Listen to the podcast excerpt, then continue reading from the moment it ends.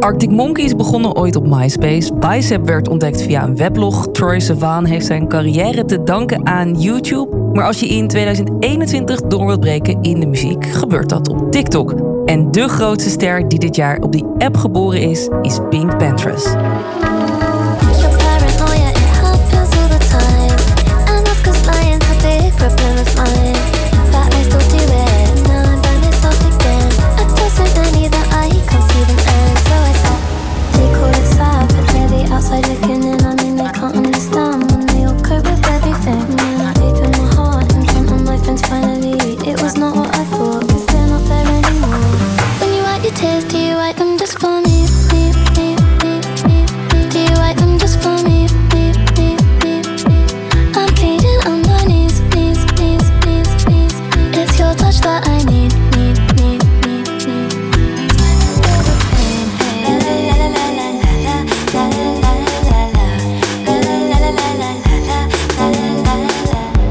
Naam is niet bekend, maar we weten wel dat ze 20 jaar oud is en uit Engeland komt. Toen ze haar eigen liedjes en beats op TikTok zette, ging het ineens heel erg hard. Binnen no time had ze miljoenen views te pakken en maakte duizenden mensen TikToks op haar liedjes. Ook al waren ze nog niet eens officieel uitgekomen. Wat maakt TikTok nou dé app om je muziek aan zoveel mensen te laten horen? Volgens Pink Panthers ligt dat aan de app zelf. I think the reason is because there's not much of an algorithm. I think it's a lot easier for artists to kind of build a fan base on those particular apps because you don't need to have a following to get a, vi- a video to do well. Like you can put up a video with zero followers and it can do well on TikTok.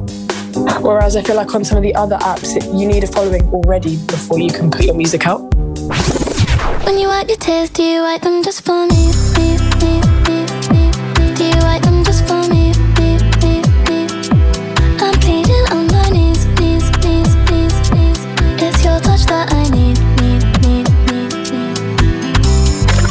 dat is dus precies hoe het gebeurde met Pink Panthers. Ze zette haar liedjes op haar TikTok-account met slechts een handjevol volgers en ineens belandde haar muziek in de timelines van miljoenen gebruikers. Dan ben je dus in één klap beroemd. Maar ja, het is 2021, we zitten nog steeds in een pandemie. Dus al die fame is wel allemaal online. Is het dagelijks leven van Pink Panthers nou echt wezenlijk veranderd? No, it hasn't really changed that much. I well, has. It has, and it hasn't. I mean, it has because essentially, hang out a lot more than I used to be, like meeting people and and doing sessions and meeting other musicians. But it hasn't in the respect that I'm still living uh, with my friends. I'm still going to university. I'm still, um, yeah, I'm still. My, my social life hasn't changed, but the everyday things that I'm doing have kind of changed. Yeah. Ze gaat dus nog steeds naar de universiteit en woont nog steeds samen met haar vrienden in een studentenhuis. En in die studentenkamer, daar neemt Pink Panthers haar liedjes op. Hoe ziet die studio setup eruit? Staat daar haar hele kamer vol met synthesizers en gear?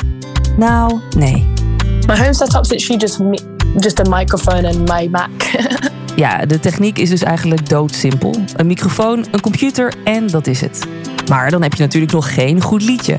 Hoe komen de tracks van Pink Panthers tot stand? I think it happens when um, I feel like uh, if I have an idea of, an, of a sample, then I kind of, I guess I seek it out and I see what I can do with it to make it sound different from the original to try and make a beat. But um, the process is usually just play around with the sample and turn it into a beat and then write, essentially. Ja, de samples, daar begint het dus allemaal mee. Dat maakt de liedjes van Pink Panthers ook zo bijzonder. Het klinkt nostalgisch en fris tegelijkertijd. Zo maakten ze van deze classic van Crystal Waters...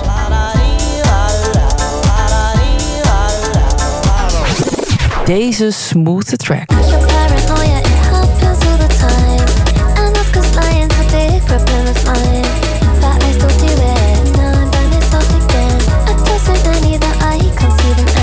Deze hit van Just Jack ken je vast ook nog wel. Why'd you wanna go and put stars in their eyes?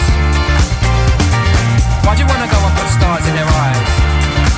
Daar maakte Pink Panthers dan weer dit van. I thought I found the answer to it. Eternal happiness tonight. But it was just another blip in my heart. En dit UK garage anthem, Flowers, van Sweet Female Attitude...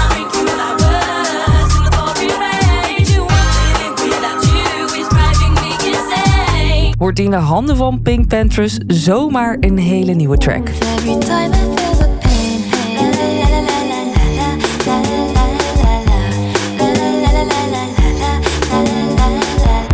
Well, usually it happens where I listen to the song and I kind of think, oh, this moment could be good to kind of sample.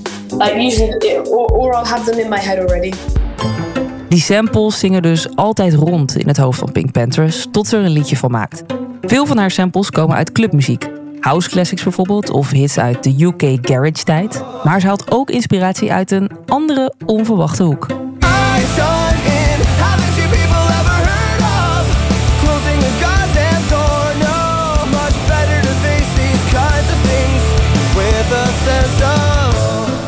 Ja, je zou het misschien niet verwachten als je haar tracks hoort, maar Pink Panthers haalt veel inspiratie uit emo en poppunk. Vooral haar zangmelodieën zijn geïnspireerd op haar favoriete bands van toen ze 14 was. En die luistert ze nog steeds.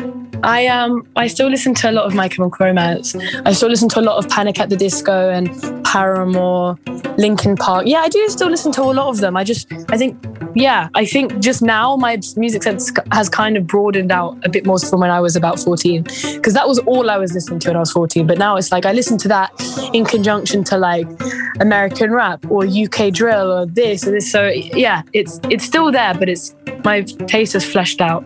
Toen ze 14 was, luisterde Pink Panthers dus alleen maar My Chemical Romance, Panic at the Disco en Paramore. En het was haar liefde voor deze muziek die haar bracht naar de geboorteplaats van haar eigen muzikale carrière. Het Engelse Reading Festival. I can't wait to do my first live show.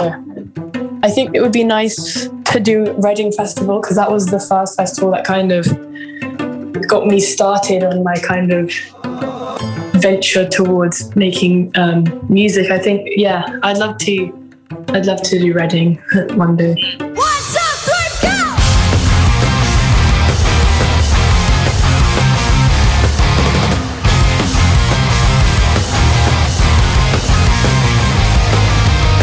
I first saw Hayley Williams perform there, and I remember um, being really inspired by her performance. So yeah, that was probably the moment. Op dat moment, tijdens de show van Paramore op Reading Festival in 2014, wist een 14-jarige Pink Panthers: dit wil ik ook. En nu, zeven jaar later, is daar haar allereerste mixtape To Hell With It. Met samples uit alle hoeken van de muziekwereld en inspiratie van haar oude poppunk helden. Hier is een track van die mixtape, I Must Apologize.